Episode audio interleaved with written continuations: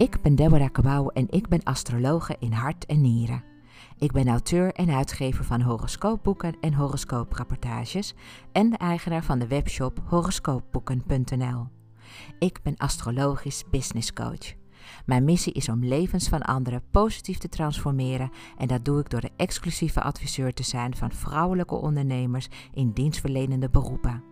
Bij mij komen coaches, trainers en adviseurs, als ook ondernemende vrouwen in de media- en entertainmentbranche. Het merendeel is 70 tot 80 procent op weg met hun missie. Wat hebben deze vrouwen met elkaar gemeen? Zij zien zichzelf als de waardevolste investering binnen hun bedrijf. Ze willen eruit halen wat erin zit en goede strategische keuzes maken. Zit jij hier naar te luisteren en denk je: Goh, ze heeft het over mij? Ik heb een unieke methode ontwikkeld waardoor ik in jouw geboortehoroscoop kan zien waar jouw goud ligt en hoe jij dat het beste kunt verzilveren. Ik geef VIP-dagen die ik achter de schermen heel minutieus voorbereid en mijn grote gave is dat ik je potentieel volledig zie en dat ik dat weet te vertalen naar concrete, kansrijke ideeën voor jouw business. Ik geef je aan het einde van deze podcast de link hoe je met mij in contact kunt komen of raadpleeg de show notes bij deze podcast. Deze podcast ben ik gestart om mijn grote passie met jou te delen: astrologie. Ik ben hier om jou te helpen herinneren wie je bent en wat jouw levensmissie is. Geen zweverig gedoe, maar wel met veel spiritueel gevoel. Het is mijn diepe overtuiging dat je bij geboorte een gebruiksaanwijzing mee hebt gekregen en ik ontvouw die heel graag voor je. Voel je welkom bij de community van astrologieliefhebbers die meer te weten willen komen over deze fascinerende wetenschap. Laat je inspireren door de vele ins en outs die je nergens anders zult horen. Je bent veel meer dan je ooit is verteld en ik vertel je graag het eerlijke verhaal.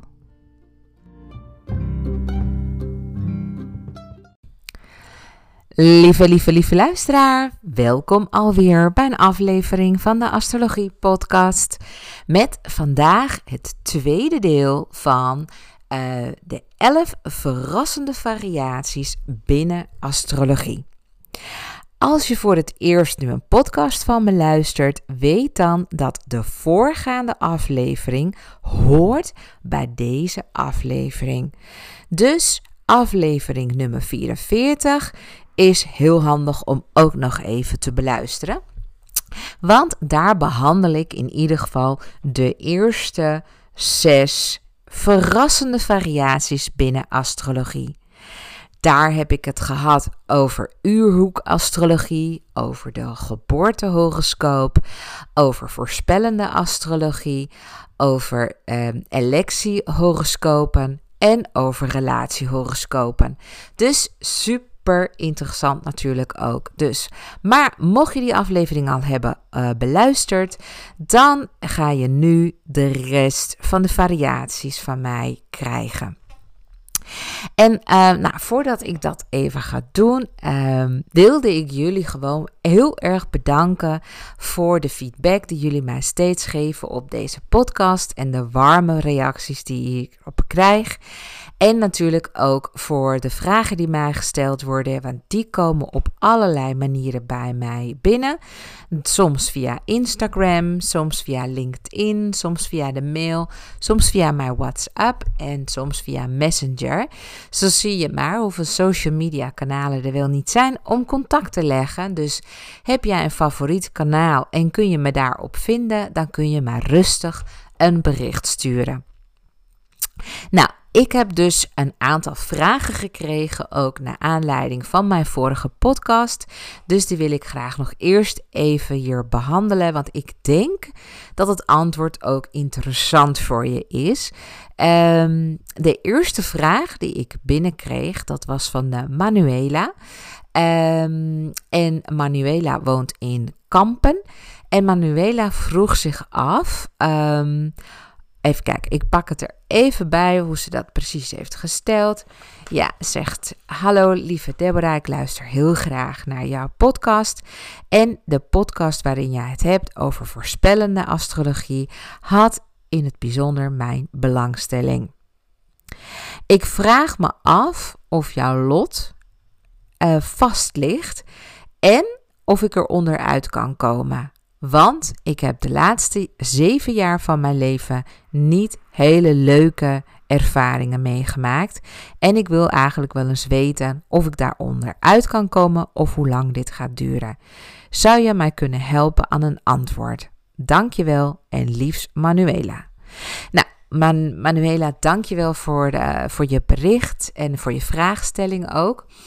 Um, en omdat ik me gewoon ontzettend goed kan voorstellen dat deze vraag bij meer luisteraars speelt, um, ja, wil ik daar gewoon een antwoord op geven, zodat iedereen uh, dat hoort. Uh, kijk, het is zo in de astrologie, volgens uh, de filosofie van de astrologie, uh, heb je bij geboorte een blueprint gekregen. En die blueprint is je persoonlijke geboortehoroscoop. En op dat moment stonden de planeten in een bepaalde stand. Precies op dat moment dat jij werd geboren. Hè? En vanuit jouw uh, geboorteplaats bekeken. Dat noemen ze als het ware een foto van het heelal op het moment dat jij werd geboren. En psychologisch gezien staat die foto eigenlijk met de exacte planeetstanden als een soort van de, ja, de sproetjes van je geest. Dus de sproetjes van je geest, dat, ja, die kun je gewoon er niet uitgummen. Dat heb je gewoon gekregen van de natuur. En we gaan in de filosofie van astrologie ervan uit dat je zo ongeveer 100 jaar zal worden en dat je in die 100 jaar allerlei dingen gaat meemaken. Nou, dat is van persoon tot persoon is dat verschillend. En wat dan er precies gaat gebeuren en wanneer dat gaat gebeuren, dat kun je wel aflezen in een horoscoop. Natuurlijk kun je niet exact zien wat er gaat gebeuren, maar wel dingen als dat je ja, wat voor soort jeugd je zult hebben, hoe je je ouders gaat ervaren, met welke nou ja, met rugzak je eigenlijk op de wereld bent gekomen, um, waar je moeite mee zal hebben, hoe jij je thuissituatie gaat ervaren. Um, of je bang bent aangelegd of niet. Of je moedig bent. Of je introvert of extravert bent. Of je nou, verlegen bent. Of dat je overmoedig bent. Of je de neiging hebt tot arrogantie. Of dat je heel erg opofferingsgezind bent. Dat kan je ook allemaal in je horoscoop zien. En je kunt dus ook zien dat je in bepaalde periodes binnen in je leven het heel erg leuk gaat hebben, echt dus de wind in de zeilen hebt. Zoals bijvoorbeeld de periode waarin ja, je een super, ja, super stap hebt kunnen zetten in je carrière. Of uh, je academie goed hebt doorlopen. Of nou ja, de, de, de jaren waarin je veel mocht reizen. Of je studententijd wat zo heerlijk was. Of eh, dat is gewoon bij iedereen is dat verschillend. En je kunt natuurlijk ook goed zien wat de, ja, de serieuzere dingen zijn van het leven die je zult meemaken. Zoals bijvoorbeeld een uh, scheiding links en rechts van dierbaren dan wel van jezelf. Maar ook het aangaan van uh, verantwoordelijkheden in de zin van contracten die je afsluit waar je dan even aan vastzit.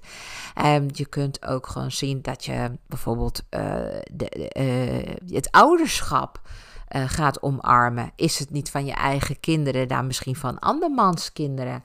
En bepaalde projecten in je leven kun je zelf ook zien als gewoon als het ware jouw kindjes. iets wat je gewoon zelf gaat baren en daar uh, nou ja, een stukje van jezelf gaat creëren. Nou, dat uh, kinderen vallen als verlengstuk ook als een stuk creatie van jezelf. En kan ook heel veel vreugde natuurlijk brengen. Maar natuurlijk ook periodes waarin het dus gewoon even wat moeilijker is, wat zwaarder voor je is, wat, waar je wat meer uh, serieuzer bent, misschien wel zelfs geslotener, uh, of meer bezig bent met je innerlijke zoektocht, of uh, ja, meer, meer bezig bent met het opbouwen van iets waar weinig mensen maar weet van hebben, maar waar je pas naar buiten wilt treden na een bepaalde periode. He, dus allemaal dingen, wat, allemaal fases, allemaal periodes. En ja, je kunt het gewoon goed uitrekenen uh, wanneer die periodes zich zullen aandienen. En nou kan ik me heel goed voorstellen dat je denkt, ja, maar hoe werkt dat dan? Hoezo kan je dat zien? Hoezo kan je dat voorspellen? Ik bedoel, uh, ja, dat snap ik dat je je dat afvraagt. Daarom heb ik ook uh, eerdere podcasts op, opgenomen. Het is super interessant dat je de, nou ja, vanaf zeg maar aflevering 2, 3, 4, 5 en zo, dan uh, hoor je mij ook echt over, nou ja, hoe werkt astrologie nou echt? Een andere podcast gaat over: kun je werkelijk de toekomst voorspellen met uh, astrologie? En nou, daar leg ik eigenlijk nog veel meer uit van hoe dat nou precies zit met uh, voorspellende astrologie.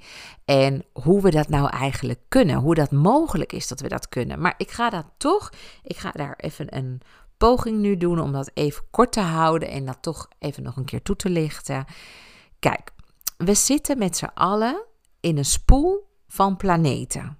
Ja, dat is een gegeven, dat is een feit. Uh, er zijn genoeg satellietfoto's die dat kunnen bewijzen. Dus de feiten zijn er. Uh, we zijn één zonnestelsel. Wij wonen, jij en ik, wonen op planeet Aarde en wij maken deel uit van een zonnestelsel. En zonnestelsel is gewoon een zon met daaromheen planeten die in banen eigenlijk rondjes aan het draaien zijn. En die stoppen niet. En de een gaat heel snel en die ander gaat heel langzaam. De ene is dicht bij de zon en de ander is heel ver weg van de zon. En wij als planeet Aarde zitten dus daar ergens tussenin. We zijn niet zo heel ver van de zon verwijderd ten opzichte bijvoorbeeld van Pluto, die ongelooflijk ver weg uh, staat van, vanuit de zon bekeken. Nou, planeet Aarde draait, as we speak, een rondje om de zon. Ja? En daar doet hij 365 dagen over. Daarom duurt een jaar ook 365 dagen, soms iets meer. Um, die, ja, dat betekent dus dat precies over een jaar, hè, 365 dagen, weer, weer op dezelfde dag uitkomen als vandaag. It makes sense. Dus ja, dat is dus stap 1. We weten één ding ook zeker. Dat is dat de planeet Aarde, net als alle andere planeten, niet zomaar van de een op de andere dag achteruit gaat lopen. We kunnen niet terug. Zo, met de, de aarde gaat continu een baan volgen en dan maakt hij rondjes. Ja, jaar in, jaar uit en dat doet hij al miljarden jaren. Dus dat is een gegeven. Daar hoeven we niet over na te denken.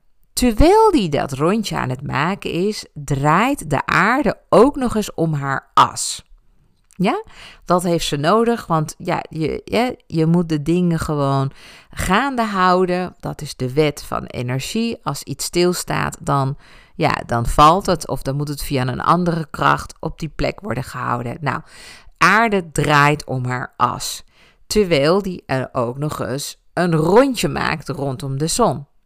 Daarbij hebben we ook nog een maan. Dat is een soort satellietplaneet. Satellietplaneet betekent niks anders dan dat hij dicht bij ons staat als aarde en eigenlijk met ons mee gaat om dat rondje te maken.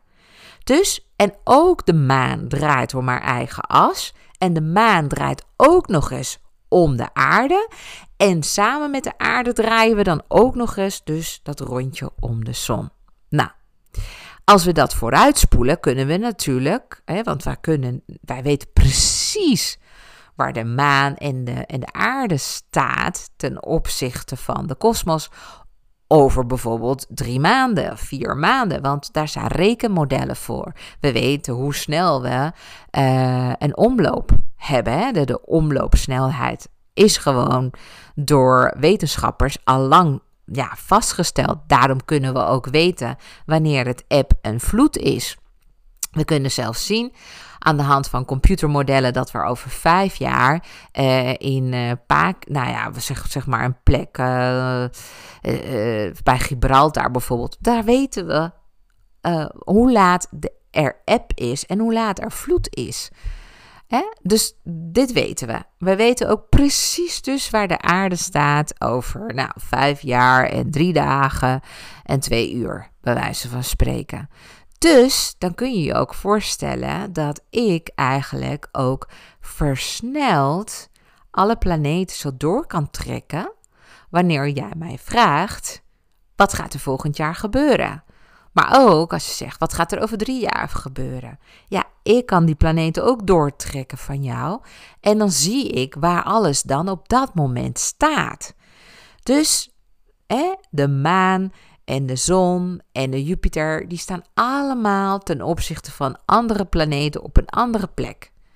En wij weten uit empirisch onderzoek wat de betekenis is als bijvoorbeeld de zon een conjunctie maakt met uh, een andere planeet. En conjunctie is dus een samenstand. Uh, maar we weten dus ook wat gebeurt als Venus uh, op een spannende plek staat in de kosmos. En we weten, nou, we weten heel erg veel. En die kennis is uiteindelijk ook wat wij astrologen gebruiken om goede duidingen te kunnen maken voor onze cliënten. Dus ik hoop dat je tot zover het kunt volgen. Want het is natuurlijk een heel uh, verhaal wat ik nu vertel. Um, en dan uh, wil ik je ook nog even wat meer vertellen. Even kijken, ik pak het er eventjes bij. Ja, ik wil je even, even die vraag nog een keertje van Manuela. Van, ligt de lotbestemming dan dus vast? Nou, ja de lotsbestemming, dus dat er dingen gaan gebeuren in een bepaalde periode, dat ligt vast. Maar er is nog steeds sprake van een vrije wil. Een vrije wil is dus dat je de keuze hebt. Dus het kan heel goed zijn dat bijvoorbeeld je een bepaalde periode je best, nou ja, eenzaam kan voelen of misschien wat met uh, depressieve gevoelens rondloopt wat je er dan vervolgens mee gaat doen. Hè, want je kunt er niet aan ontlopen dat je je zo gaat voelen. Maar wat je dan vervolgens gaat doen, dat is natuurlijk wel aan jou. Je kunt gaan eten. Je kunt meer gaan slapen. Je kunt gaan, een stukje gaan fietsen. Je kunt uh, meer gaan, nou ja, uh, meer gaan doen aan uh, zelfstudie. Je kunt meer Netflix-series gaan kijken. Maar het kan ook zijn dat je gewoon nou ja, gevoelig eh, wordt voor een of andere verslaving. Nou, in je horoscoop kun je wel zien of je gevoelig bent dan voor verslavingen, maar natuurlijk niet welke verslaving. Dus dat kan zich uiten in allerlei vormen. Ik bedoel, als je het lekker vindt om, om tandenstokers steeds ja, te passen en te onpassen in je mond te stoppen, ja, dat, eh, dat, dat, dat staat echt niet in je horoscoop. Hè? Dat staat er niet. Maar wel natuurlijk die, nou ja, die, die dwangneurose die je misschien gaat ervaren tijdens die depressieve periodes. Dat kan je wel weer uit opmaken. Maar goed, in een horoscoop zie ik dus ook alle mooie, fantastische dingen die jou nog te wachten staan. En ja, dus Manuela en beste luisteraars, um, het is echt zo dat je dus de toekomst kunt voorspellen. Het is niet mijn hobby of zo. Ik bedoel, dat is niet waar ik zit niet de hele dag in een glazen bol uh, te kijken of uh, te staren naar horoscopen.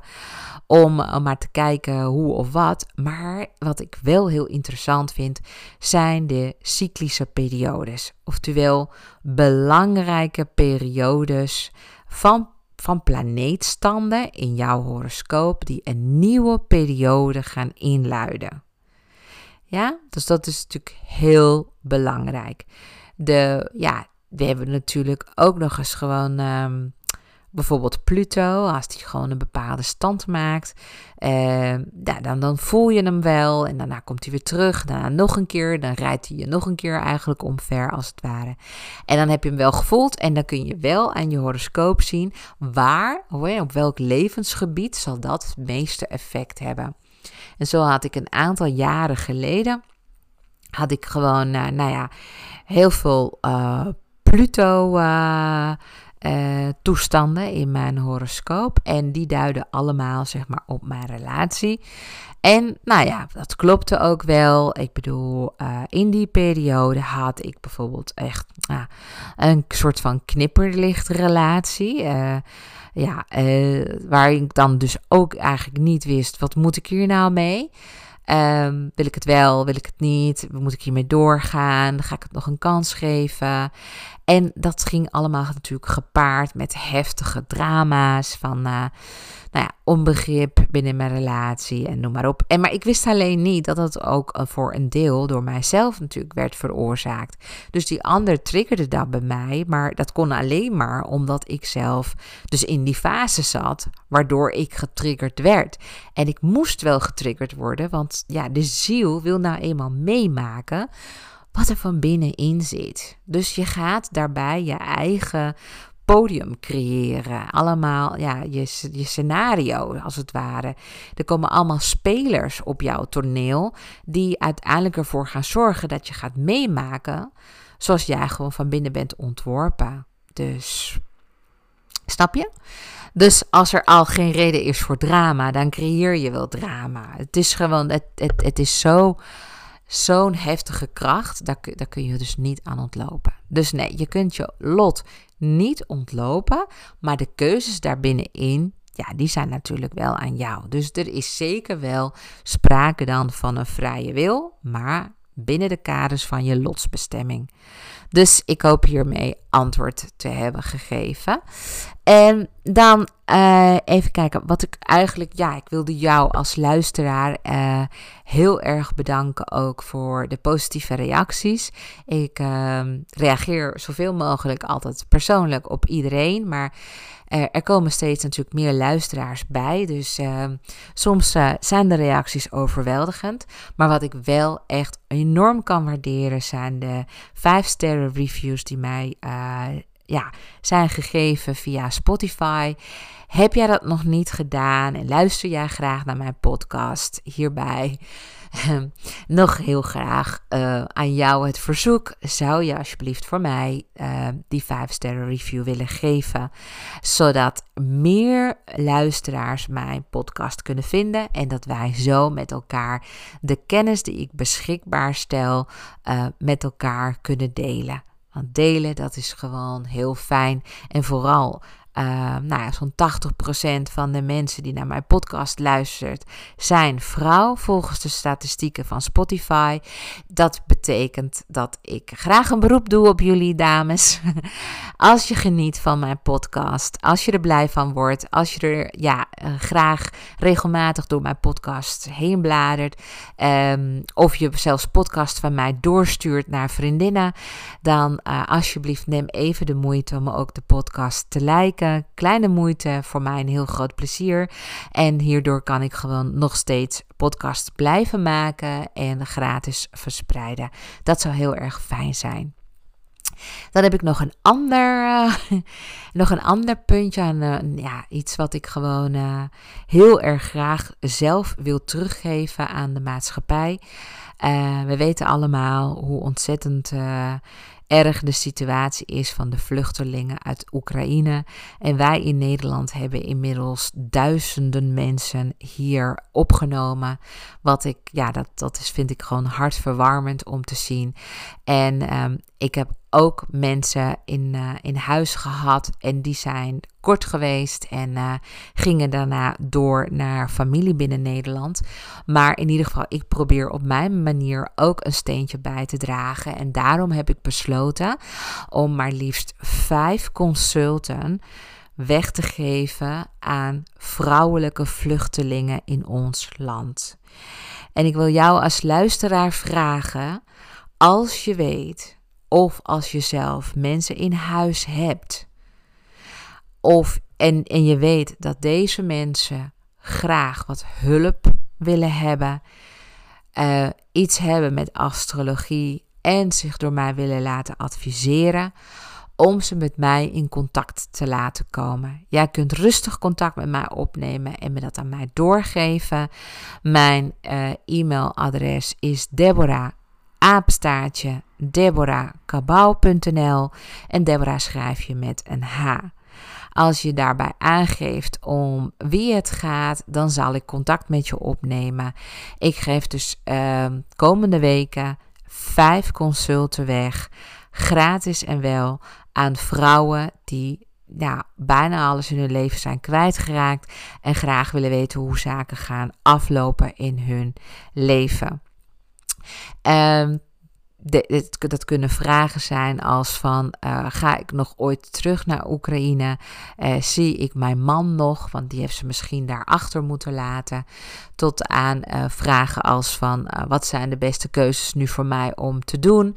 Moet ik in Nederland een cursus gaan volgen? Of nou ja, hoe gaat het leven zich voor mij nu ontvouwen?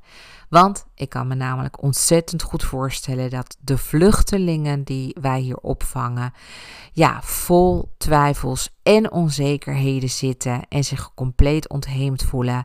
En dit is zo ongelooflijk naar wat, uh, wat er gebeurt. En ja, ik kan me zo ontzettend goed voorstellen dat als ik als, nou ja, als Nederlandse zelf mijn eigen land zou moeten ontvluchten. Om ergens anders in Europa te worden opgevangen door een, nou ja, een warm land. In een warm gezin of door hulpverleners die me graag willen helpen, dat ik dan nog steeds mezelf ook wel ontheemd voel met van wat wordt nu mijn levensrichting? En uh, zeker als je gewoon huis en aard uh, haard hebt moeten achterlaten. Hè? Je vrienden, je familie, je sporten, je hobby's, je, je, ja, je lusten, je leven, je mooi huisje, je alles. En dan moet je hier, wat, wat moet je hier eigenlijk dan doen? Dan moet je weer opnieuw gaan starten. Maar je hebt nog zoveel te verwerken. En elke dag volg je het nieuws. Dat het gewoon vreselijk voor die mensen.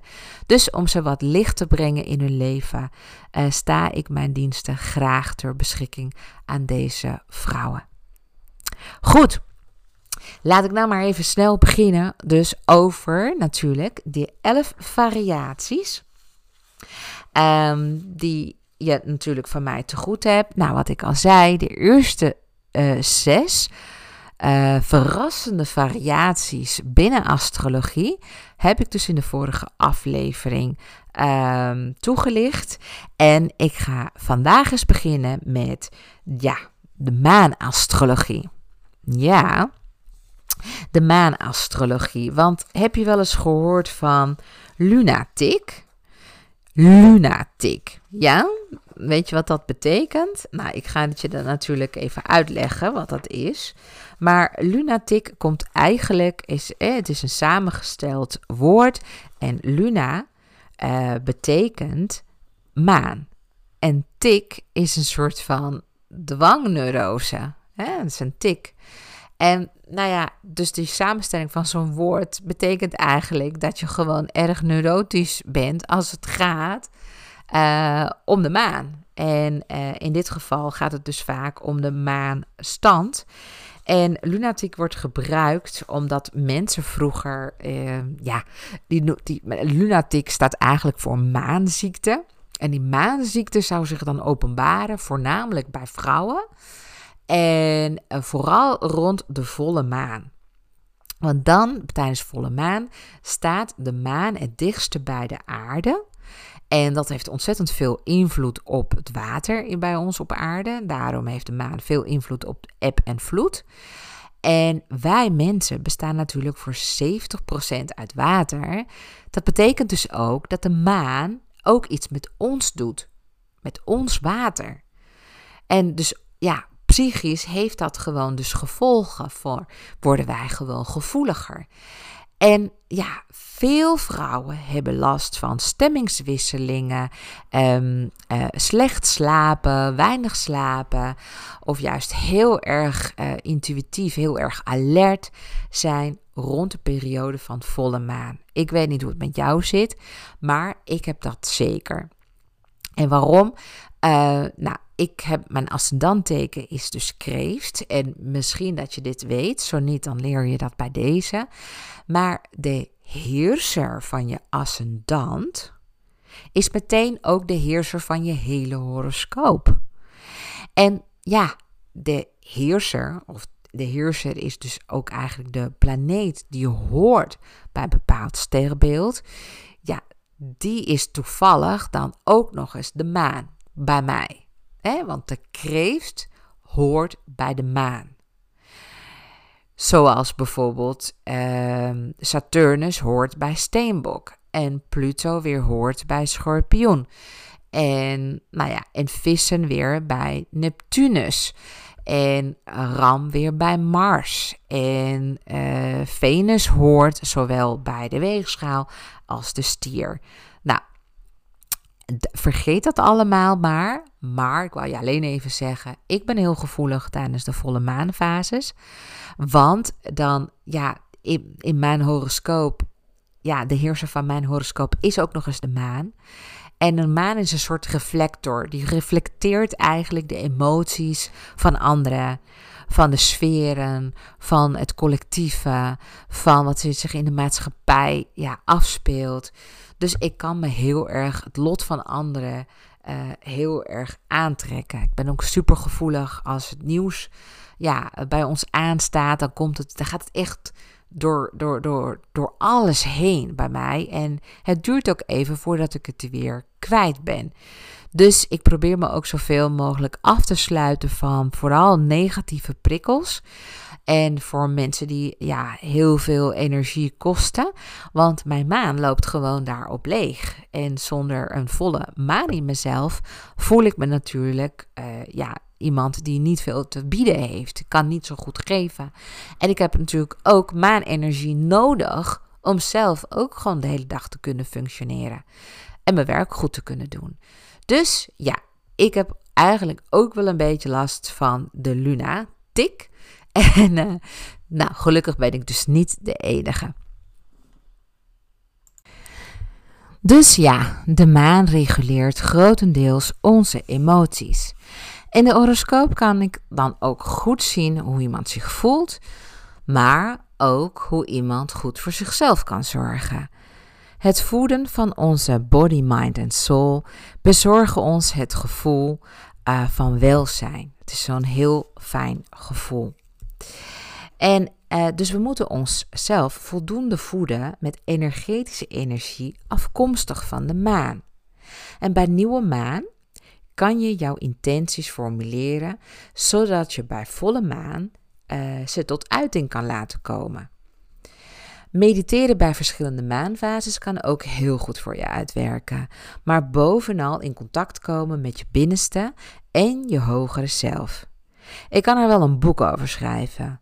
Ik gebruik maanastrologie als kompas voor iemands emotionele toestand. Je kan heel goed in horoscoop zien hoe iemand zich op een bepaald moment voelt en op welke, ja, en welke stemming daarop zal volgen. Maar belangrijk is het voor jou als klant. Ik adviseer bijvoorbeeld of het een goed moment is om met een reactie te wachten of dat juist van het moment gebruik moet worden gemaakt. Hoe dan ook, moet je ook weten dat de maan een van de belangrijkste aspecten zijn van jouw gouden driepoot. En ja, wil je wat meer weten over deze gouden driepoot, dan heb ik daar natuurlijk ook weer podcasts over gemaakt. Ik heb zelfs um, een driedelige serie uh, ingesproken over de zonnetekens, de ascendantekens en de maantekens. Dus dat is je gouden driepoot. En nou ja, wat ik al zeg, de maan is daar één van. Dus ga uh, scrollen hier ergens tussen mijn uh, podcasts en zoek onder mini masterclass. En uh, in het bijzonder, de aflevering gaat dan over de maan. Want dan leer ik je dus veel meer over de maan. Um, en ik ga zelf nog wel in de toekomst een podcast opnemen over de maanfases en wat dat dan precies allemaal betekent. En waarom dus iedereen zo uh, bezig is met maankalenders, uh, maanagenda's, maanapps, uh, maan, van alles met de maan. Ja, want de maan is er gewoon erg belangrijk voor jouw emoties en jouw welzijn. Goed, dan nog een andere toepassing van astrologie. En eigenlijk wel mijn lievelingstoepassing, namelijk astrologie als bedrijfsstrategie. En laat het nou ook nog eens de naam zijn, hè, de titel van mijn eigenlijk um, programma die ik heb ontwikkeld speciaal voor ondernemende vrouwen in spirituele ja, ondernemingen. En ja, wat is nou eigenlijk een spirituele onderneming? Nou, zodra iemand eigenlijk zijn eigen soul, hè, zijn ziel in zijn bedrijf uh, zet ehm, en, en tot uiting brengt in de diensten, dan ben je eigenlijk dus ook uh, bezig met een soul business, oftewel een ziels- uh, en spiritueel bedrijf. Hè? Zo noem ik dat dan. Dus dat kunnen coaches, trainers, therapeuten en adviseurs zijn. Uh, die zich daar dus, nou ja, mee bezighouden. Astrologie als bedrijfsstrategie is dus definitely mijn favoriet. En er zijn maar weinig astrologen die je kunnen helpen met je bedrijf aan de hand van astrologie. En als die er al zijn, dan adviseren ze met name grote bedrijven en echt op een specifiek terrein. Vaak adviseren ze ook leden van de Raad van Commissarissen. En ik ken heel wat financiële instituten die willen weten wat er, in de, wat, ja, wat er staat te gebeuren op de financiële markt. Hè? Wat gaat er gebeuren? Gaan de aandelen stijgen of gaan ze juist dalen? Maar er zijn ook bedrijven die willen weten uh, of ze met elkaar kunnen samenwerken voordat ze een joint venture aangaan. En wist je dat in China zelfs astrologie wordt toegepast bij de personeelsselectie aan de poort?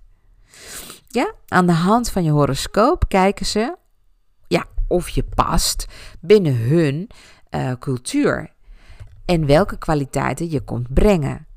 In Nederland en België loopt het niet zo'n vaart. Dus daar worden niet uh, horoscopen aan de poort gecheckt. Maar ja, ik zat zelf in het personeelsvak. En ik deed het dus wel. Natuurlijk met toestemming van, uh, van iemand. En het was niet zo dat iemand dan de job niet kreeg. Maar ik kon wel aardig inschatten van... Ja, is dat nou ja, de bloedgroep die wij hier in het team nodig hebben? Zeker gezien de samenstelling die we al hadden.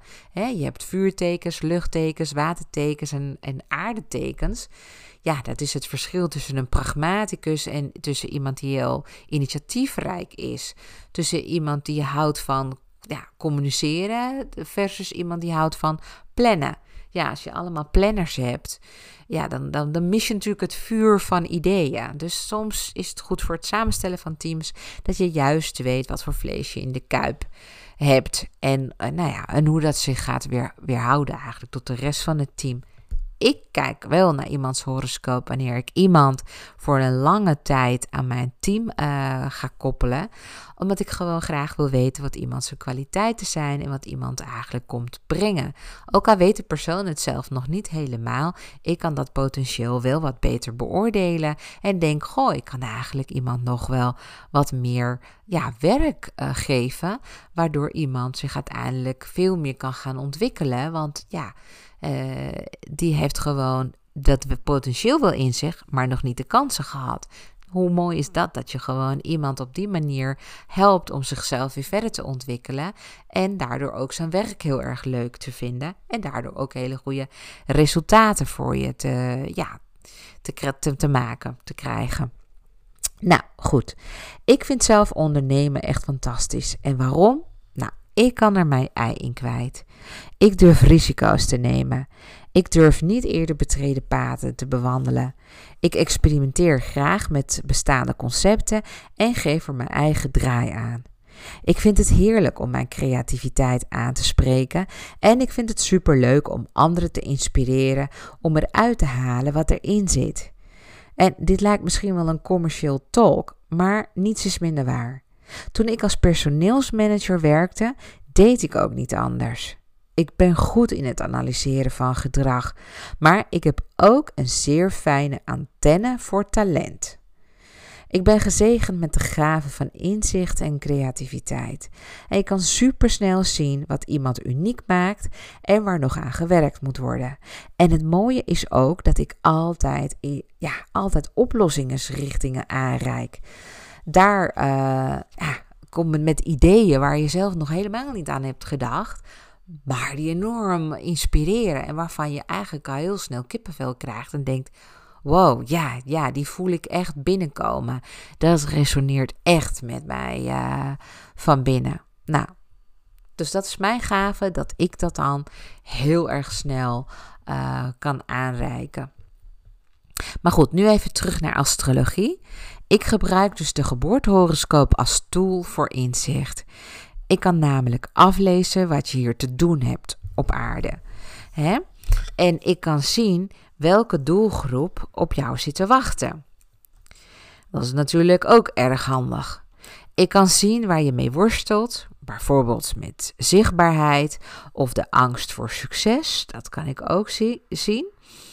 Um, en ik kan zien welke marketingstrategieën bij jou passen.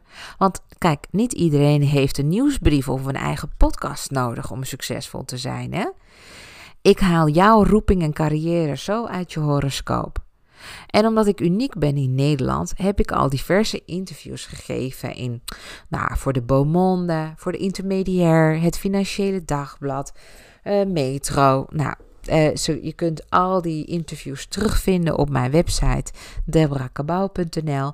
Maar of je googelt mij even en dan uh, kom je mijn interviews ook wel tegen. Want ja, wat willen nou eigenlijk? Uh, ja, wat, wat willen ze nou eigenlijk van mij weten? Is van, nou, wat voor klanten trek ik aan? Uh, waar help ik ze precies mee? Wat zijn dan vervolgens hun resultaten? En hoe doe jij dat? En waar heb je dit geleerd? En is dit te leren of is dit, ja, hoe werkt dat dan? Nou, en dat vind ik natuurlijk altijd natuurlijk mooi om dat uit te leggen. Maar bovenal vinden ze het interessant dat ik juist ondernemers help. En ja, dat betekent ook dat je wat moet weten over ondernemen. En dat je ook zakelijk inzicht moet hebben. En dat je eigenlijk als een soort ja, business mentor uh, mensen adviseert. En ja, dan is, daar komt er veel meer bij kijken dan alleen de kennis over astrologie. Dat betekent dus ook dat ik zelf ook gewoon ondernemersbloed heb. En dat ook moet hebben, anders word je natuurlijk geen astrologisch business coach. Tuurlijk, ik vind het gewoon super leuk om mijn kennis te delen en daar mijn brood mee te verdienen. Ik vind dat gaaf. Ik vind dat nou ja, ik leer ook nog steeds, terwijl ik gewoon al mensen al aan het helpen ben. Want het is een vak waar je niet uitgeleerd raakt. En juist met die combinatie van mijn vuur, uh, mijn ideeëngenerator die in mij zit. Ja, dat is, daar ben ik gewoon mee geboren.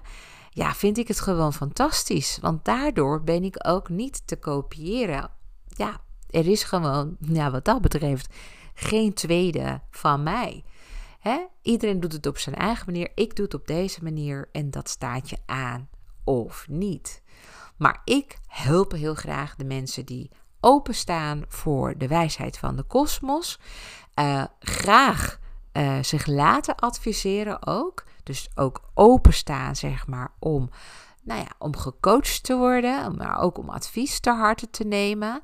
En uh, buiten de eigen comfortzone ook uiteindelijk durven te komen. Ook in de actiemodus gaan. En vooral ook mensen die gewoon zeggen: ja, dat is gewoon een heel goed idee. Dat ga ik verder uitwerken. Dus ja, het is dus nou, super fijn. Ehm, ik ben dus voornamelijk sterk in astrologie in relatie tot bedrijfsstrategie. En ik help um, ja, uh, heel echt op een heel exclusieve basis slechts een paar ondernemers per jaar. Hè? Dus dus niet zo dat bij mij ik elke dag uh, met iemand bezig ben. Nee, bij mij werkt het heel anders. Ik heb veel en veel tijd nodig voor een grondige analyse. Want ja, de criticus in mij zegt: ik wil iemand zo'n goede uh, dag geven, dat hij daar nog jaren mee vooruit kan en altijd zal terugdenken aan datgene wat ik heb meegegeven. En omdat het zoveel is, worden ook mijn sessies opgenomen. Want ik weet dat daar parels van inzichten tussen zitten. En soms alleen al de volzinnen die gebruikt kunnen worden op iemands website zijn al de moeite waard om het, uh, om het op te nemen.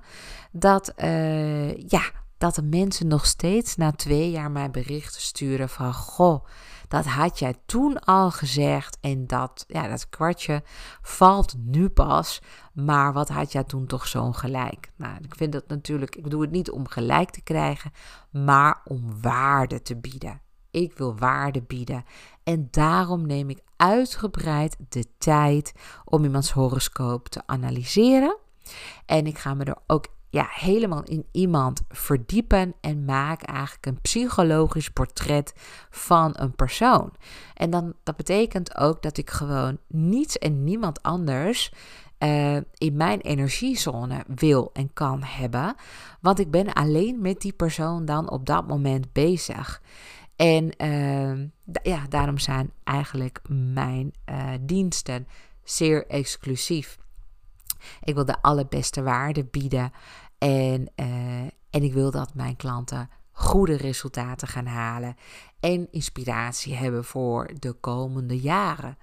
Dus ja, als je dat allemaal en en en wil, dan moet ik dus ook heel exclusief blijven. Goed. Um, dan uh, wist je dan ook dat je ook via dus de bedrijfsstrategiedagen ook erachter kunt komen hoe het zit met jouw money mindset. Ja, want ja, zelfs in een horoscoop kan ik zien hoe jij geld kunt aantrekken. En dat is misschien niet voor iedereen even belangrijk. Hè? The money goes the world around. En, en ja, geld moet rollen en uh, je hebt geld nodig, want dat is de brandstof vaak van je, van je bedrijf. Je moet je onderaannemers kunnen betalen, je moet investeringen kunnen doen, uh, je moet je persoonlijk ontwikkelen. Je hebt uh, nou ja, onderhoud nodig van je materialen, van je website, van je. Ja, ehm, van alles kan het zijn. Ik heb ook al die kosten. Ik bedoel, ik, ja, dat ik gewoon heel veel content zelf maak en produceer, wil niet zeggen dat, uh, nou ja, dat, dat, dat, dat, dat het niet eerst door iemand nagekeken wordt of daar niet spelfouten in zitten. Eh, ik maak ook gebruik van de diensten van een VA. Wat? Ik heb er zelfs drie. Alle drie hebben een andere, andere kwaliteiten en die schakel ik in wanneer ik ze nodig heb. Ik werk graag met uh, professionals, vooral zelfstandige professionals. Uh, ik werk ook wel met experts. Ik laat me ook gewoon adviseren. He, zo heb ik mijn eigen uitgeverij en daar komt heel veel bij kijken. Daar heb ik al ook gewoon gesprekken over met professionals. En ik heb ook iemand die mijn website technisch uh, ondersteunt en bijhoudt. Ik heb, naar mijn social media doe ik dan zelf, maar bijvoorbeeld uh, met Pinterest. Ja, ik bedoel, ik ben niet geboren met kennis over Pinterest. Dus daar laat ik me ook weer bij helpen. Dus dat zijn ook weer allemaal investeringen en daar moet dus ook geld naartoe. Dus ja, eh, ik, ik help met alle liefde iedereen die mij hulp nodig heeft, maar ik moet de dingen ook draaiende houden. Dus ja, er moet geld in het bedrijf stromen om zo ook te kunnen blijven geven, om ook te kunnen blijven groeien. En dat geldt dus ook voor de ondernemers die bij mij komen. Maar ja, die vinden eigenlijk geld soms wat minder belangrijk. En dat is helemaal oké. Eh, die willen eigenlijk zingevend werken. En die willen bijdragen aan de maatschappij. En die willen ja, uh, uh, voldoening uit hun inspanningen halen. En die vinden dat veel waardevoller dan het geld wat ze daarvoor krijgen. En dat is natuurlijk prima, maar over het algemeen ga je het niet heel erg lang volhouden als er heel veel vanuit jouzelf uh, gegeven moet worden. Dus je zult ook wat werk moeten delegeren en dat kost gewoon nou eenmaal geld. Dus het is ook dan goed dat je gewoon eens kijkt naar je prijsstelling of de klanten die je eh, wilt bedienen en noem het allemaal maar op. Maar soms is dat gewoon heel erg lastig, want zomaar je prijzen verhogen, dat is niet het eerste waar wat in je opkomt. Of, en als dat al zo is, dan vraag je je misschien af wie gaat dan dat allemaal dan betalen.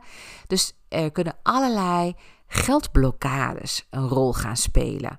Want ja, je vraagt eigenlijk geld voor jou, voor jouw diensten. Ik bedoel, het is makkelijker om jouw fiets op marktplaats te zetten en te zeggen: Ik wil daar 250 euro voor, want ik heb er ooit 1000 voor betaald. Hij is vier jaar oud, ik wil er 250 voor. En je wacht gewoon net zo lang totdat iemand dat betaalt. Maar als je zelfstandige ondernemer bent en je verkoopt jouw diensten, of het nou is als journalist of als financieel adviseur, of het nou is als diëtiste of als meditatieguru. Ik bedoel, je verkoopt jezelf. Je zegt eigenlijk als het ware: dit is wat ik waard ben. Ja, want dat is best wel spannend. En dat is ook best wel eng. Want wat als iemand zegt: Nou, dat vind ik het niet waard? Dat voelt misschien dan wel als een afwijzing. Je gaat misschien zelfs wel twijfelen. Je vraagt je ook van wie ben ik dat anderen hiervoor moeten betalen. Of je gaat jezelf vergelijken met andere aanbieders in de markt die jij veel hoger hebt staan. Uh, en waarvan jij dus afvraagt van, nou ja, als die dat gaan vragen, wie ben ik dan om nog meer te vragen? Hey, ik kan me dus dat heel goed voorstellen. En in je horoscoop kun je dus precies zien waar jij nou last van hebt. Nou, hoe handig is dat? Hè? Of jij het moeilijk vindt om dus bijvoorbeeld om zichtbaar te zijn. Of je het moeilijk vindt om succesvol uh, te zijn. Of dat jouw gevoel van eigenwaarde best wel laag is. Hè? Dat je gewoon niet vindt dat je meer dan 40.000 euro per jaar uh, mag verdienen. Want ja, waarom zou je meer verdienen? En meer verdienen betekent ook vaak meer verantwoordelijkheden. En dat vinden mensen vaak ook wel eng en spannend. Dus die kiezen liever voor de status quo. Maar ja, ik heb gelukkig ook klanten die heel erg ambitieus zijn. Misschien zelfs zo ambitieus zijn dat ik ze zelfs moet afremmen. Dat ik moet zeggen: dat is heel leuk dat jij richting een miljoen wil, of zelfs eroverheen, omdat je je target, je doelstellingen steeds aan het bijstellen bent. Maar lieve vrouw, wat gaat dat veel van jou kosten? Dat kost je bijna je relatie, je gezondheid, je, eh, je geestelijke toestand. Ik bedoel, daar ben je gewoon het jaar daarop gewoon kapot, leeg. En dan zul je nooit ja, over dat bedrag heen komen. Kortom, als je echt die business wil en alleen maar meer en meer wil, dat betekent dat je steeds meer zult moeten gaan uitbesteden. En dan moet je gaan dus eigenlijk van zelfstandige professional eigenlijk naar een soort van manager. Ja, dan moet je gaan managen. Dan ben je manager opeens van je eigen, nou ja, mensen. En dan moet je keuzes gaan maken. Blijf je met ZZP'ers werken of ga je personeel in dienst nemen? En als je personeel in dienst hebt, zijn dat dan wel de juiste mensen die dan nog voor je werken? Zijn ze toekomstbestendig? Dat soort vragen. Ja, het is allemaal eng, het is allemaal spannend. Want dan moet je poppetjes gaan vervangen. Ja, dat is iets wat je graag doet. En ja, het is een feit dat dingen waar wij niet graag, ja, die wij niet graag doen, eh, ze dat, ja, we gaan dat gewoon heel lang voor ons uitschuiven. Net zolang totdat het uiteindelijk gewoon onhoudbaar wordt en door een crisis je dan toch echt gedwongen wordt om keuzes te gaan maken. En nou ja, dat zijn vaak niet de allerbeste keuzes die je dan maakt. Maar goed, dus dan, uh, ja, ik wil je gewoon eigenlijk zeggen dat je dus in je horoscoop heel duidelijk kunt zien uh, of je in staat bent om mensen met geld aan te trekken. Uh, maar ook heel goed kunt zien waar jouw geldblokkades zitten. Dus waarom het niet stroomt of juist hoe het wel stroomt. Hè? Of je iemand bent die zijn eigen of haar eigen geld maakt, of dat je je geld meer verdient via anderen. dus dat kan ook. Nou goed, er bestaan talloze trainingen die gaan over het verbeteren van je money mindset. Maar waarom zou je de lange en dure route nemen als je ook via je horoscoop alle informatie boven, naar boven kan halen? Ik bedoel, waarom moeilijk doen als het makkelijk kan? Ik kan ook zien hoe ik het beste mijn boterham kan verdienen. En ik zie ook dat miljardair worden geen prioriteit voor me heeft. Ik haal volgens mijn horoscoop, en dat kan ik dus echt beamen, ik ervaar geluk in mijn gezondheid, in de natuur en in, uit kinderen. Maar bovenal uh, haal ik eigenlijk mijn geluk door mezelf creatief te uiten en dat anderen iets aan mijn werk hebben. Ik ben dus eigenlijk iemand die geboren is met veel innerlijke wijsheid, waarvan ik vroeger niet zo goed wist wat ik ermee moest. En ik het eigenlijk maar met iedereen deelde die daar niet op zat te wachten. Kortom, geen verbinding, geen match. en daar stond ik dan. En ja, ik vroeg me dan af waarom mensen dan niet mijn advies opvolgden. Ik bedoel, maar toen begon ik het te begrijpen. Ik moet gewoon wachten op uitnodiging. Mensen moeten op dat moment er klaar voor zijn. Het advies kan pas ontvangen worden wanneer iemand daar ontvankelijk voor is. Ja, ja, dat was een mooie les dan voor mij. Maar dat heb ik gedaan. Ik ben gewoon de business gaan omdraaien. Ik ben hier. Ik vertel je wat ik kan en ik wacht gewoon keurig af tot het moment dat jij zegt: Yes, ik ben er klaar voor. Nu wil ik echt geadviseerd worden. Nu wil ik me laten influisteren door mijn sterren. En ik wil graag horen wat Deborah te vertellen heeft over al deze kennis die zij analyseert, alles wat zij weet, en dat ze dat allemaal op mij als persoon toepast, zodat ik minder tijd, minder geld en minder energie kwijt ben aan een lange zoektocht naar mezelf. Dus als je hier klaar voor bent, dan wil ik je in ieder geval dan uitnodigen voor een uh, gratis kennismakingsgesprek. Want ik wil heel graag eerst even wat meer van jou weten, voordat ik kan beoordelen of uh, bedrijfsstrategie, uh, de astrologie als bedrijfsstrategie, ook echt voor jou de volgende stap is.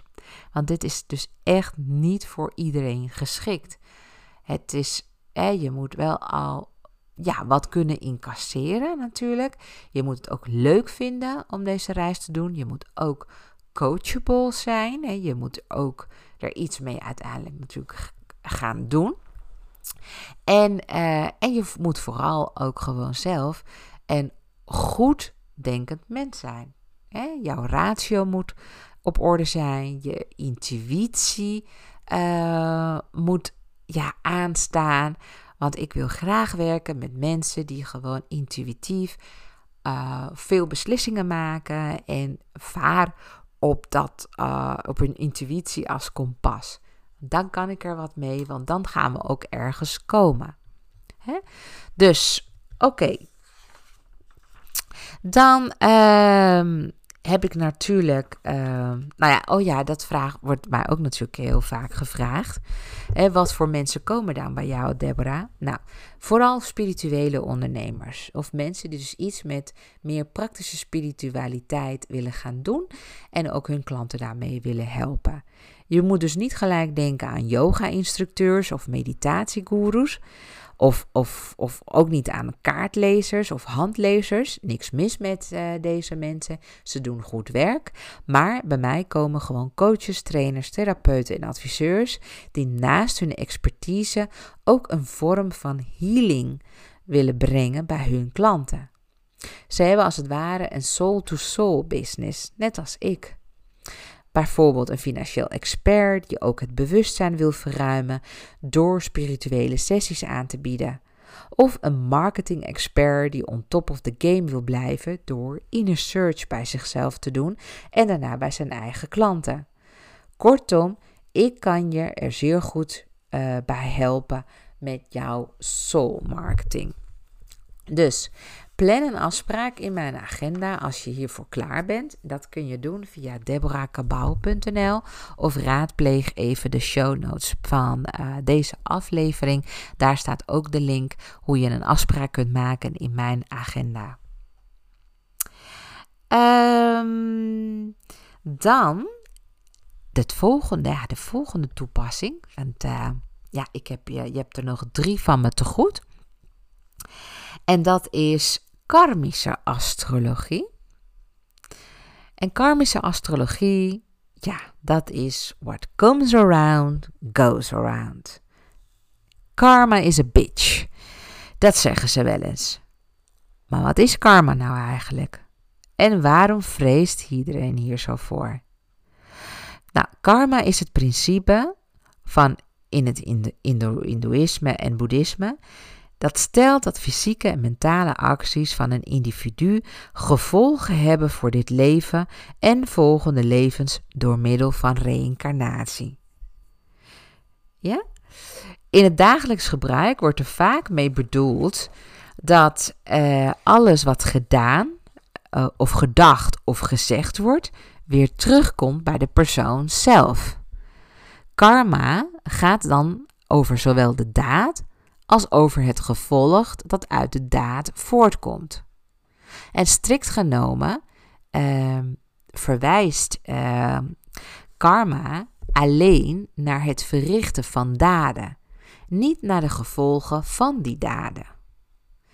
Het resultaat van huidige daden kan in dit leven of in een volgend leven terugkomen en betekent dus een eigen verantwoordelijkheid voor het verloop van het leven, met de daarmee gepaarde vreugde en pijn.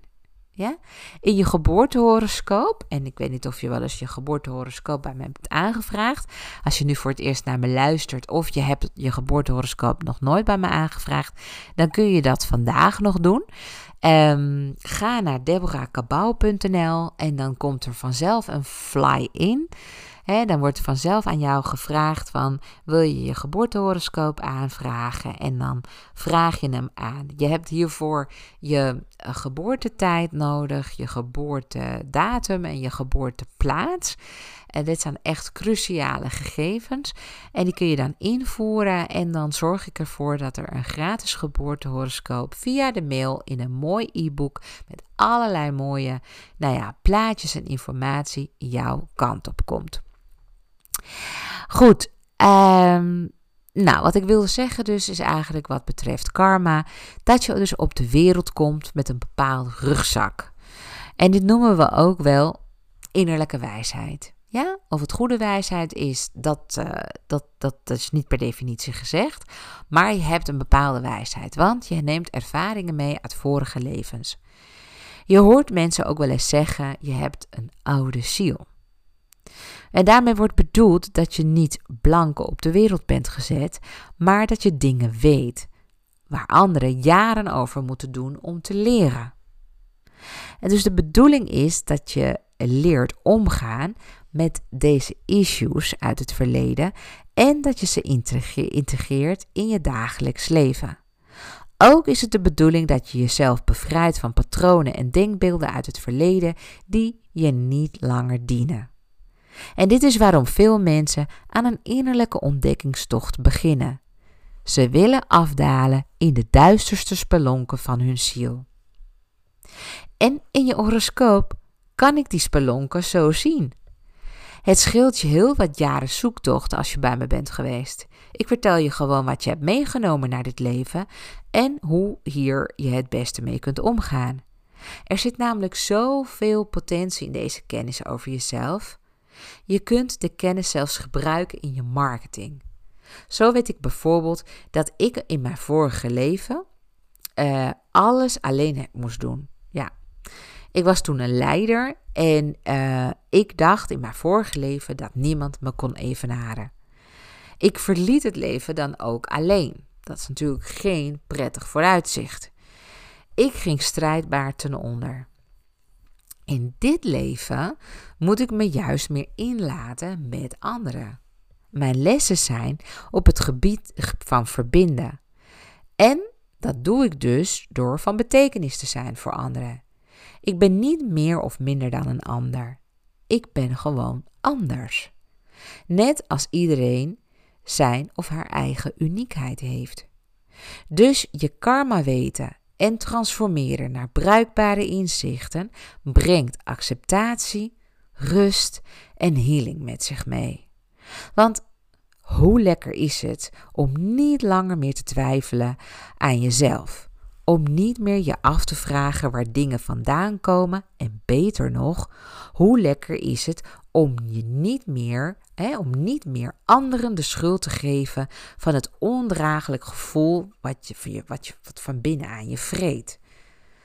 Werk aan je wonden uit het verleden brengt een magische transformatie teweeg.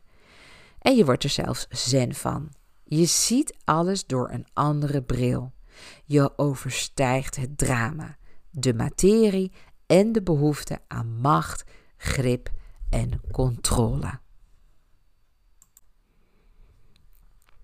Goed, ik heb er nog twee te gaan. En de volgende is spirituele astrologie als zielskompas en raadgever. Want ja, dat is ook een toepassing binnen de astrologie. Niet bij veel mensen bekend, maar ik kan me goed voorstellen dat jij, die nu dit aan het beluisteren is, ook juist dit super interessant vindt. Want je bent ja, op ontdekkingstocht en je wilt meer leren over jouw eigen spiritualiteit. Nou, daar is gewoon astrologie een super geschikt instrument voor. Ik ben dol op spirituele astrologie. Telkens weer ervaar ik de helende werking bij zowel mezelf als de klant wanneer extra aandacht komt op je ziel. Ik kan me goed voorstellen dat hier mensen kunnen afhaken omdat ze geestelijk niet bij kunnen dat de ziel echt bestaat en dat het ook nodig is om gevoed te worden. Tijdens mijn sessies met klanten laat ik zien waar de spirituele punten zich in de geboortehoroscoop bevinden en ik leg ook uit uh, hoe je ze tot uiting kunt brengen in zowel, ja, in zowel uh, je business als in relaties. Niet voor niks zeggen, uh, zeggen mensen wel eens dat ze, nou ja, hun soulmate zijn tegengekomen. Of dat ze juist verlangen naar een soulmate. Iemand die jou begrijpt. Iemand waar je op dieper level een connectie mee voelt en dealt met dezelfde issues als jij. Want dat voelt als thuiskomen. Alsof je elkaar van vorige levens nog kent. En ja, uit eigen ervaring kan ik dit beamen. Ik vind ook altijd in mijn partners iets waarvan ik denk dat ik dat eens eerder heb ervaren.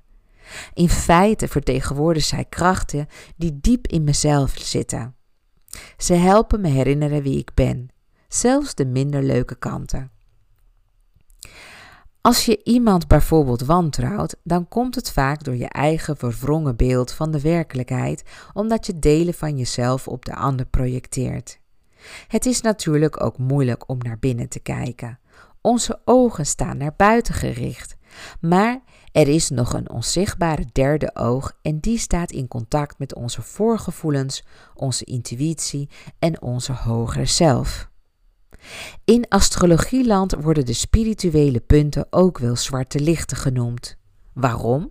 Je ziet ze gewoon niet. Het zijn snijvlakken van banen in het heelal en ze zeggen veel over je schaduwkanten. Daar waar alleen licht op komt als, het je aandacht, als je het aandacht geeft. Ik gebruik de zwarte maan, de zwarte zon en de noordermaansknoop standaard in mijn analyses en diagnoses. De zwarte maan, ook wel Lilith genoemd, wordt ook wel Lilith genoemd, dat wil ik zeggen. Want Lilith was namelijk de eerste vrouw van Adam. Je weet wel, het verhaal uit de Bijbel over Adam en Eva. Wel nu, Lilith blijkt de eerste vrouw te zijn geweest. Maar die liep weg bij Adam, want die was het er niet mee eens dat ze tijdens de daad onderop moest liggen. God had in haar ogen gefaald, omdat hij een mens had gemaakt naar zijn evenbeeld. Maar Lilith was een vrouw en voor haar golden andere regels. Afijn, ze liep weg en ging haar eigen gang. Dit herkennen we allemaal wel in onszelf. Een rebels gevoel. We zijn allemaal, eh, allemaal wel eens ergens voor weggelopen, omdat we het er gewoon niet mee eens waren. Of het nou juist, of het nou ja, van huis weggingen, of opeens een andere studie gingen volgen, of een baan gingen opzeggen, een samenwerking beëindigen, of een punt achter onze relatie hebben gezet. We zijn er in ieder geval ja, van die situatie weggelopen. Onze motieven zijn vaak niet echt heel duidelijk voor onszelf. Het speelt zich allemaal af in het onderbewuste. We weten alleen dat we zo niet langer willen doorgaan. De zwarte maan vind ik super waardevol omdat het staat voor het bewustzijn wat we uit ervaringen uit vorige levens hebben meegenomen naar dit leven en wat zich wil ontwikkelen naar een hoger bewustzijnsniveau. Vergeet al die lange coachingstrajecten waarin je jezelf leert stretchen en kennen. waarin je moet eh, eh, wanneer je moet werken dus aan je eigen innerlijke blokkades of waar je in contact komt met je roeping. Het spiritueel bewustzijn, het weten van de ziel, ofwel je intuïtie, dat is de gave. Om in contact te komen met je spirituele punten heb je slechts één ding nodig: inspiratie. Dus door te doen en door te ervaren kom je ergens. Kortom, blijf je ontwikkelen. Ontmoet inspirerende mensen. Kies je rolmodellen zorgvuldig uit. Lees boeken. Ga op reis. Leer iets nieuws. En voor ondernemers geldt: jump. Maak sprongen. Kom uit je comfortzone. Ga naar een netwerkbijeenkomst, doe iets wat anderen niet doen of ga iets doen wat je nooit van jezelf zou verwachten. Ik zal je uh, een, een, paar dingen verklappen die ik nooit zou hebben gedaan als ik niet kon terugvallen op de kennis van mijn eigen geboortehoroscoop.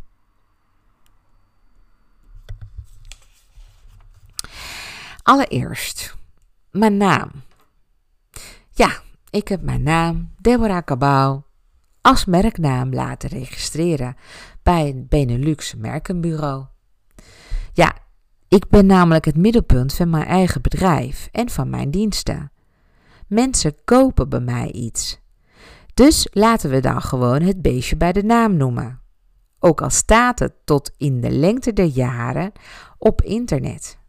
Ja, als je mijn naam dan googelt, dan komt hij dan. Ja, overal. Nou en. It's me en niemand stoort zich eraan. Ik sta voor professionaliteit, kwaliteit en servicegerichtheid. En daar geloof ik gewoon heel sterk in. En dat hoort, dat valt, ja, wat ik doe, valt gewoon met mijn persoonlijkheid. En ik heb een naam gekregen bij geboorte. En dat is Deborah Cabau. Nou, dat wordt dan mijn etiket.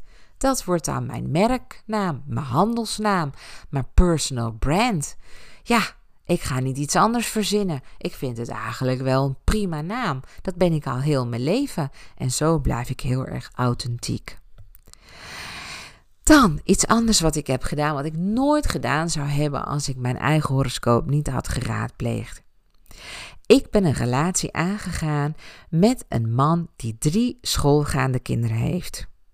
Ik heb er zelf maar één. Hè? En mijn oude Deborah zou er nooit aan zijn begonnen. Ik bedoel, zo opeens drie kinderen van een ander erbij.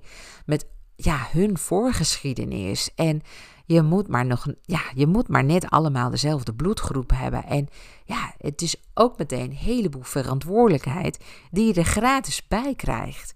En dan hoop je maar dat alles gewoon goed uitpakt. Maar ja, ik wil natuurlijk ook niet op mijn tenen lopen. Dus mijn oude Deborah zou daarvoor zijn weggelopen. En had gedacht: ja, hallo, uh, dat zijn vier nieuwe mensen in mijn leven om te leren kennen. Dat is een beetje veel. Maar ik heb het toch gedaan, want in mijn horoscoop stond dat ik nog eens een keer een groot gezin zou krijgen. En dat dat mij heel veel vreugde zou gaan brengen. Nou. Dus toen ben ik er toch maar aan begonnen. Ik koos ervoor om erop te vertrouwen dat het me wel veel zou brengen. Nou, en hoe? Mijn leven is rijker en gezelliger en ik kijk enorm uit naar mijn toekomst ook als oma. Kun je het je voorstellen? Oh, nou, hoe dan ook, vier kinderen hebben die gek op je zijn is gewoon een zegen. Samen bouwen we aan sterke banden waar ik later ook op kan terugvallen. Dus dat geeft me ook al een gevoel van, nou ja, saamhorigheid. En zekerheid dat ik ja, me nooit alleen zal voelen. Dat ik altijd aanspraak zal hebben. Dat ik de kinderen kan opzoeken. Dat ik ze ook uh, in de toekomst kan helpen. Ja, ik zie dat zelf, mezelf dat helemaal gewoon doen. En uh, nou, een ander punt, wat ook in mijn horoscoop stond, wat ik echt dacht, nou, dat ga ik echt gewoon niet doen. Ik zou nooit op een boerderij zijn gaan wonen. En dan helemaal niet met de verantwoordelijkheid van dieren verzorgen erbij. En hier zit ik. We hebben zelfs elf kippen. en ik ben ook nog eens dol op onze elf kippen. Ik heb ze zelf gewoon in huis gehaald, nota bene. En doordat ik heb gekozen voor de boerderij, heb ik ook meer tijd om te lanterfanten in de tuin. En ik kook weer volop allerlei gerechten. Want ja, zes monden moeten namelijk gevoerd worden. Ik heb er nog lol in ook. Ik heb nooit gedacht dat ik hiertoe in staat was. Het haalt het beste in me naar boven en zelfs alles uh, van onze interne verbouwing heb ik bedacht. En dat is nog allemaal heel erg leuk uitgepakt. Ik ben er gewoon goed in gebleken. Oh, wat betreft binnenhuisdesign. Ons huis kan zo in een landhuismagazine. Ik ben super trots en mega dankbaar dat ik koos om in te trekken bij mijn geliefde op een boerderij in Leek, een dorpje onder de rook van Groningen. Mijn creativiteit komt hier volledig tot bloei. En als je in de buurt bent, mag je wat mij betreft altijd even toeteren. Dan iets anders, wat ik ook nooit had gedacht dat ik dat aan zou kunnen. Maar dankzij het raadplegen van mijn, horoscoop bleek ik dat dus dat ik dat wel zou kunnen. Ik heb een miljoenen erfenis uit elkaar moeten vervlechten met heel veel vastgoed en tig erfgenamen. Het was een zeer langdurig proces die heel complex in elkaar steekt en gevoerd moest worden in drie verschillende talen en met maar liefst dertien broers en zussen. En het is me gelukt. Ik heb echt waar met zo ongelooflijk veel mensen moeten, nou ja, moeten praten. Van nou ja, advocaten tot notarissen. Uh, van vastgoedbeheerders tot makelaars. Van uh, technisch, technische mensen tot aan uh, nou ja, accountants, ehm, belastingadviseurs. Uh, nou, you name it. Ik bedoel, uh, echt gewoon dingen die ik totaal niet leuk vind om te doen. Ook ingewikkeld. En vooral ook die grote verantwoordelijkheid dat je het goed moet doen. Nou, ik dacht echt, ik ga gewoon kopje onder. Wat ik ook gewoon bijna heb gedaan. Want dit is gewoon, dat was gewoon een mega grote puzzel. En dat speelde zich af tussen Nederland en Spanje. Nou, en dan moet je ook nog gewoon alle neuzen dezelfde kant op zien te krijgen. En dat kost gewoon heel veel energie en ook de nodige stress. Ik heb er ontzettend veel door geleerd. Ik heb zaken opgelost waar ik doodsbang voor was. Vastgoed past niet bij meisjes, was mijn veronderstelling. En de administratie, daar heb ik gewoon zelf een broertje dood aan. En weet je, rechtszaken voeren zijn gewoon zenuwslopend. En alles kost tijd, tijd, tijd, tijd en geduld. En dus ook uiteindelijk veel geld. En toch, I did it. En nu kan ik werkelijk echt alles aan. Ik heb alles uit elkaar uh, weten te halen. Ik heb overzicht gebracht in de chaos. Ik heb iedereen achter me geschaard gekregen. En we hebben stappen gezet. Want ja, zonder ja, al deze kennis en vaardigheden en lef uh, ja, zou het me allemaal niet gelukt zijn. Maar gelukkig vond ik de kracht wel in mijn horoscoop. Want die, ja, die liet gewoon heel duidelijk zien dat ik op het gebied van vastgoed nog jarenlang verwikkeld zou worden in een, in een, in een, in een zaak. En dat wat zou het mij brengen?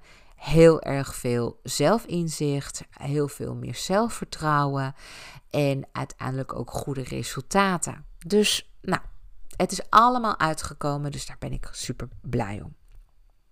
Dan een ander punt, een ander ding wat ik gewoon nooit gedaan zou hebben als ik niet um, ja, uh, mijn horoscoop had geraadpleegd. Ik heb Amsterdam en bij, daar werkte ik dus. En ik had een stulpje in het gooi. Die heb ik ingeruild dus voor het hoge noorden. Ik heb er wel vijf jaar over gedaan om te kiezen om mijn hart te volgen. Mijn geliefde woonde daar. Ik snakte naar rust, naar thuiskomen. Maar ik moest wel eerst al mijn schepen verbranden. Ik moest een goed betaalde baan opzeggen en huis verkopen tijdens de bankencrisis, mijn familie en vrienden achterlaten, mijn voorliefde voor de hoofdstad opgeven en bovenal mijn dochter wegtrekken uit een goedlopende co-ouderschap met mijn ex. En dat doe je gewoon niet even. Je denkt wel twee keer na voordat je je kind ontwortelt uit zijn vertrouwde omgeving. Bedoel, andere school, andere hobby's, papa niet meer zo vaak zien, vrienden achter je laten. En pas na jaren vonden we ook onze draai en willen wij nu allebei nooit meer weg. Mijn dochter voelt zich één met Groningen om de hoek. Dan iets anders wat ik nooit gedaan zou hebben als ik mijn horoscoop niet had geraadpleegd. De prijzen van mijn diensten verhogen. Want die moesten echt naar een passend prijsniveau. Kijk, ik ben een lichtwerker, een expert, een vakidioot. En heb onwijs veel kennis en een enorme creatieve geest. Het liefst ben ik heel de dag bezig met anderen te inspireren en te adviseren. Maar dat gaat niet. Ik heb veel me-time nodig om bij te denken. En ook om tot geniale ingevingen te komen. En natuurlijk dus ook om te lanterfanten. Want tijdens het lanterfanten ja, heb je eindelijk de rust en de ruimte om dingen binnen te laten komen. En ja, is toch eventjes wat meer uh, uh, door je hoofd te laten spoken. Dan van nee, ik heb nu geen tijd, ik moet door. Dus deze tijd is echt nodig, omdat ik dan veel beter in staat ben om uh, uh, iemand te voorzien van uitstekend advies. Dus heb ik drastische keuzes moeten maken. Ik werk sinds een tijd alleen één op één en ik neem niet zoveel klanten aan. Voor de klanten die ik wil aannemen, ga ik door tot het gaatje. En dat geeft me veel voldoening. Ik zie dat mijn klanten betere resultaten boeken en vol inspiratie aan de slag gaan met nieuwe bedrijfsplannen. Maar het verhogen van mijn prijzen betekende ook het einde van een groep die ik niet meer kan helpen. Ik heb mensen moeten teleurstellen in het kader van zelfbehoud. Ook hier heb ik een switch gemaakt met klotsende oksels. Maar als resultaat dat ik nu tijd voor mezelf overhoud en zelfs tijd heb om podcast wekelijks op te nemen, waar ik weer duizenden mensen mee inspireer. Kortom, zonder de kennis van mijn spirituele punten had ik deze keuzes niet gemaakt. Niet in mijn eentje. Ik had duizenden euro's moeten investeren aan begeleiding en coaching om mijn innerlijke twijfels en angsten te overwinnen en mezelf moed in te praten. En dan nog steeds zou ik me hebben afgevraagd wat ik te doen heb. Deze vragen heb ik allemaal niet meer sinds ik me heb verdiept in mijn eigen sterren.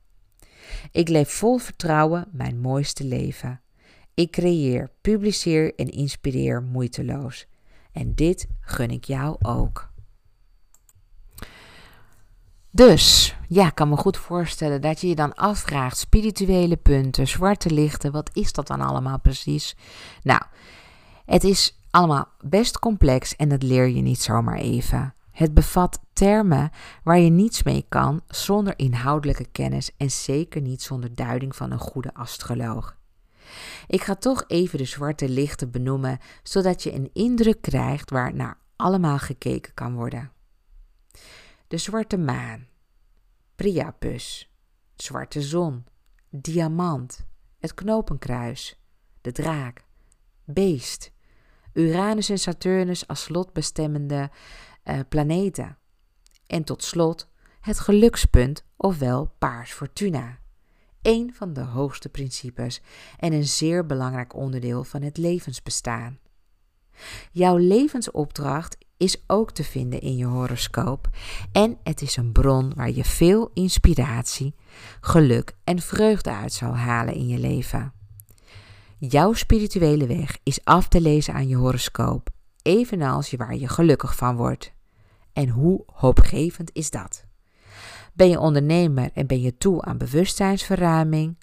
Wat ik al zei, plan die gratis discovery sessie.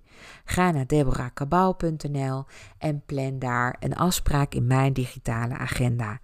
Je bent bij mij in goede handen. En wil je eerst meer reviews over me lezen? En nog een tijdje kijken hoe, eh, nou ja, wat voor persoon ik ben en wat ik voor je kan betekenen? Dan kun je ook rustig gewoon ja, mijn uh, Google bedrijfspagina opzoeken. Daar staan allemaal reviews op van uh, nou ja, mensen die ik eerder heb gesproken. Die mij kennen, die bij mij sessies hebben gehad.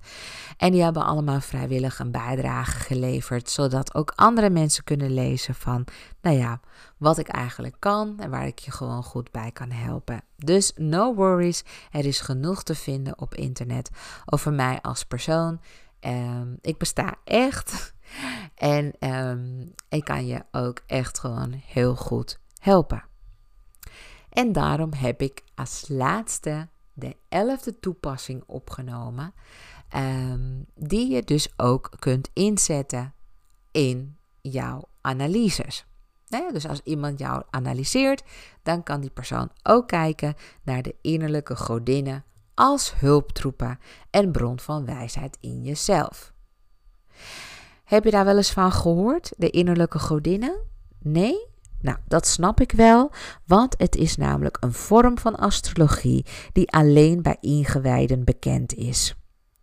Ik ben er expert op geworden door de vele cursussen die ik heb gevolgd en de boeken die ik erover heb gelezen. Ik help mijn klanten onwijs door ze te wijzen op hun innerlijke godinnen. Maar ik zeg er wel bij, dit is echt next level astrologie. En lang niet alle astrologen zijn hiermee bekend of hebben zich hierin gespecialiseerd.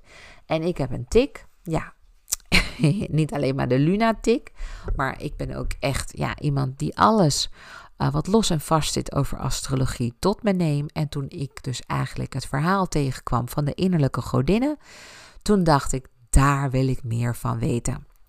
En sindsdien betrek ik dus ook uh, de innerlijke godinnen bij mijn sessies. Lang niet alle godinnen, maar ik kijk wel naar specifieke godinnen. Wanneer iemand bijvoorbeeld met een bepaalde business bij mij komt en die zich ook afvraagt: kan ik dit of kan ik dat of zal ik dat gaan uh, uitbouwen? Dan kijk ik of dat er eigenlijk wel in zit, of dat gewoon de ondernemer niet beter iets anders kan gaan doen, wat veel meer voor de hand ligt. Klanten kunnen na een live dag die gaat over hun business verder komen met een aparte dag die in het teken staat van hun persoonlijke innerlijke godinnen. En dit is echt maatwerk, want ik maak een volledige analyse van hoe de godinnen bij iemand uitwerken en hoe men de hulpbronnen het beste kan inzetten. Dit is dus niet voor iedereen weggelegd, want het kan erg confronterend zijn. Maar ik zeg ook altijd dat voor een doorbraak ook altijd iets moet breken. Het gaat meestal over je zelfbeeld. Dus uh, als je toe bent om je innerlijke draken in de ogen aan te kijken, dan raad ik je aan om meer te leren over je innerlijke godinnen en in contact met ze te komen. Laat je hierbij altijd begeleiden. Ik begeleid in ieder geval ondernemende vrouwen hiermee. En nou, misschien ben je een man en vraag je je af: hebben mannen dan geen godinnen in zich? Ja, natuurlijk. Dat hebben zij ook. Maar bij mannen werkt het net even anders. Want de innerlijke godinnen staan meer voor het vrouwelijke principe. Net als de zwarte maan. Volgens de mythologie kun je de godinnen onderverdelen in godinnen van de hemel, de aarde en de onderwereld. Nou, ik kan me voorstellen dat je denkt, waar heb je het over? Nou, daar ga ik wel een keer aparte podcasts over opnemen, waarin ik veel dieper inga op die verschillende godinnen. Maar voor nu even in een notendop ga ik je wat vertellen over nou, welk, ja, wie deze godinnen zijn. De godinnen bijvoorbeeld van de hemel, waar ik naar kijk, zijn Ceres, Pallas, Athena, Juno en Vesta. En deze godinnen zien de belangrijkste dingen over je levenscyclus. Ze representeren je vrouwelijke potentie of oriëntatie in het leven.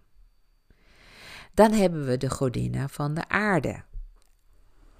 Dit zijn uh, Ariadne, Europa, Pandora en uh. Deze godinnen gaan uh, over onze wereldse zorgen en houding hierin. Zij zijn beïnvloeders in de wereld die waakt over je geliefden en je bezigheden, als ook je pogingen en overwinningen. Dan hebben we de godinnen van de onderwereld. En die vind ik gewoon ja, mega interessant. Want de onderwereld is dus eigenlijk ook een beetje jouw schaduwkanten. En dat is Hygiëna, Cassandra, Hekate en Medea. Deze godinnen hebben krachtige inzichten en begrip voor het onbewuste.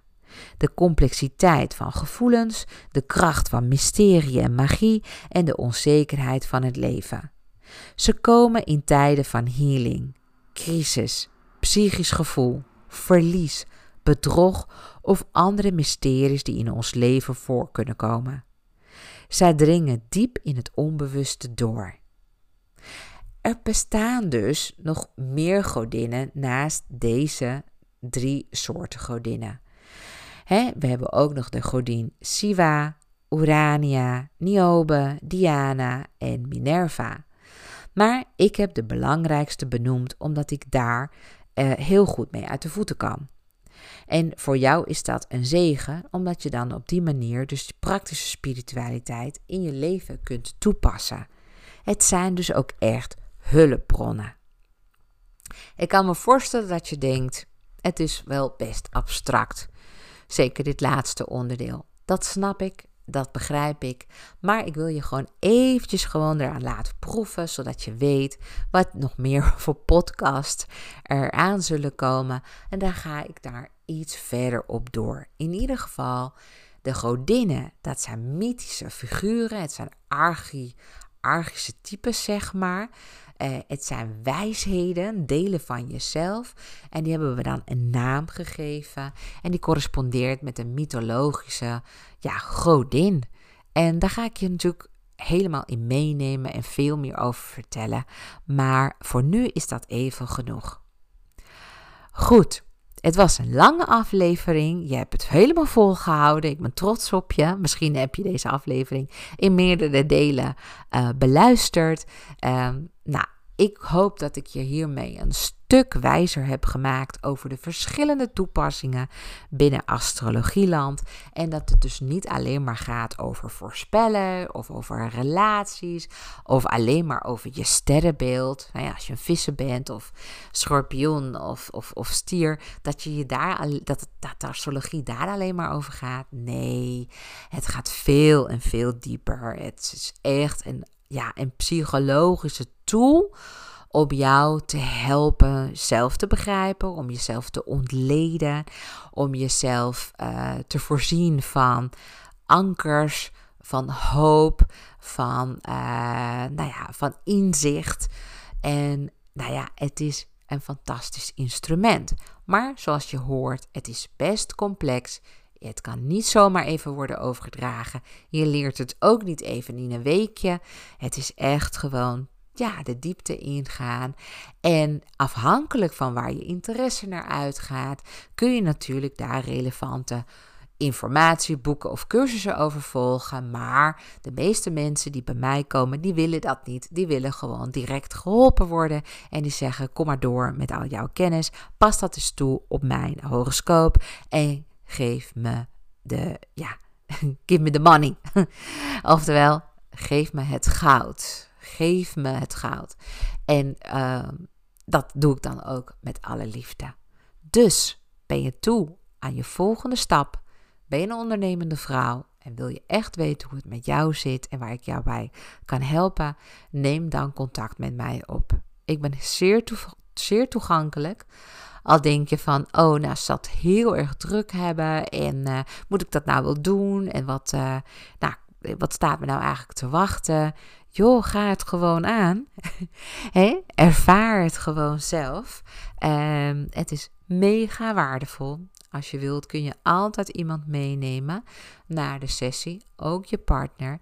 Um, maar nogmaals, wat ik zei, het is echt ja, voor ondernemende vrouwen die ja, op, op, toch op een, op een punt staan van, gewoon moet ik hier nou wel mee doorgaan? Uh, zich onzeker voelen of juist een, een, nieuwe weg willen inslaan. En toch willen even laten checken van, uh, is het de goede weg? En zo ja, hoe doe ik dat dan? Hè, hoe zit dat dan met mij? Voel je hartstikke welkom. Nou, bedankt voor het luisteren. Um, ik ga nu vandaag uh, ja, heel exclusief koken. nee, ik ga een quiche taart maken uh, voor mijn gezin. Want die uh, vinden ja, uh, erg lekker. En elke keer maak ik dan weer een, ja, een nieuwe variatie daarop. Om de verandering in te houden. En ik doe er altijd gewoon een frisse salade bij. Dus ik ga zo meteen uh, alvast dus koken, zodat we vanavond dit kunnen gaan eten. Um, en ik ga natuurlijk ook alvast gewoon nadenken en bedenken wat de volgende aflevering gaat worden. Uh, bedankt voor al je vragen. Je kunt ze natuurlijk altijd nog blijven sturen. Ik ben uh, overal te vinden op social media.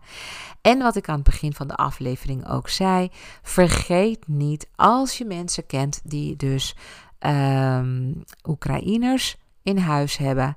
Uh, dat ik gewoon vijf sessies beschikbaar stel voor vrouwen die uh, advies nodig hebben. Uh, ja, dus meld je gewoon aan bij mij. Dat kan via Deborah, het apenstaartje en uh, dan neem ik gewoon contact met je op. En zo helpen wij allemaal elkaar en maken we de wereld een stukje mooier. Vind je niet? Nou, ik wens je in ieder geval nog een fijne dag en heel graag tot volgende week.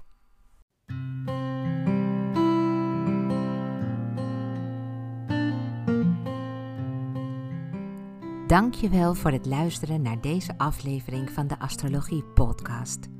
Met deze podcast wil ik je inspireren over astrologie, zodat je voor jezelf kunt nagaan of deze eeuwenoude wijsheid je antwoorden geeft waar je lang naar hebt gezocht.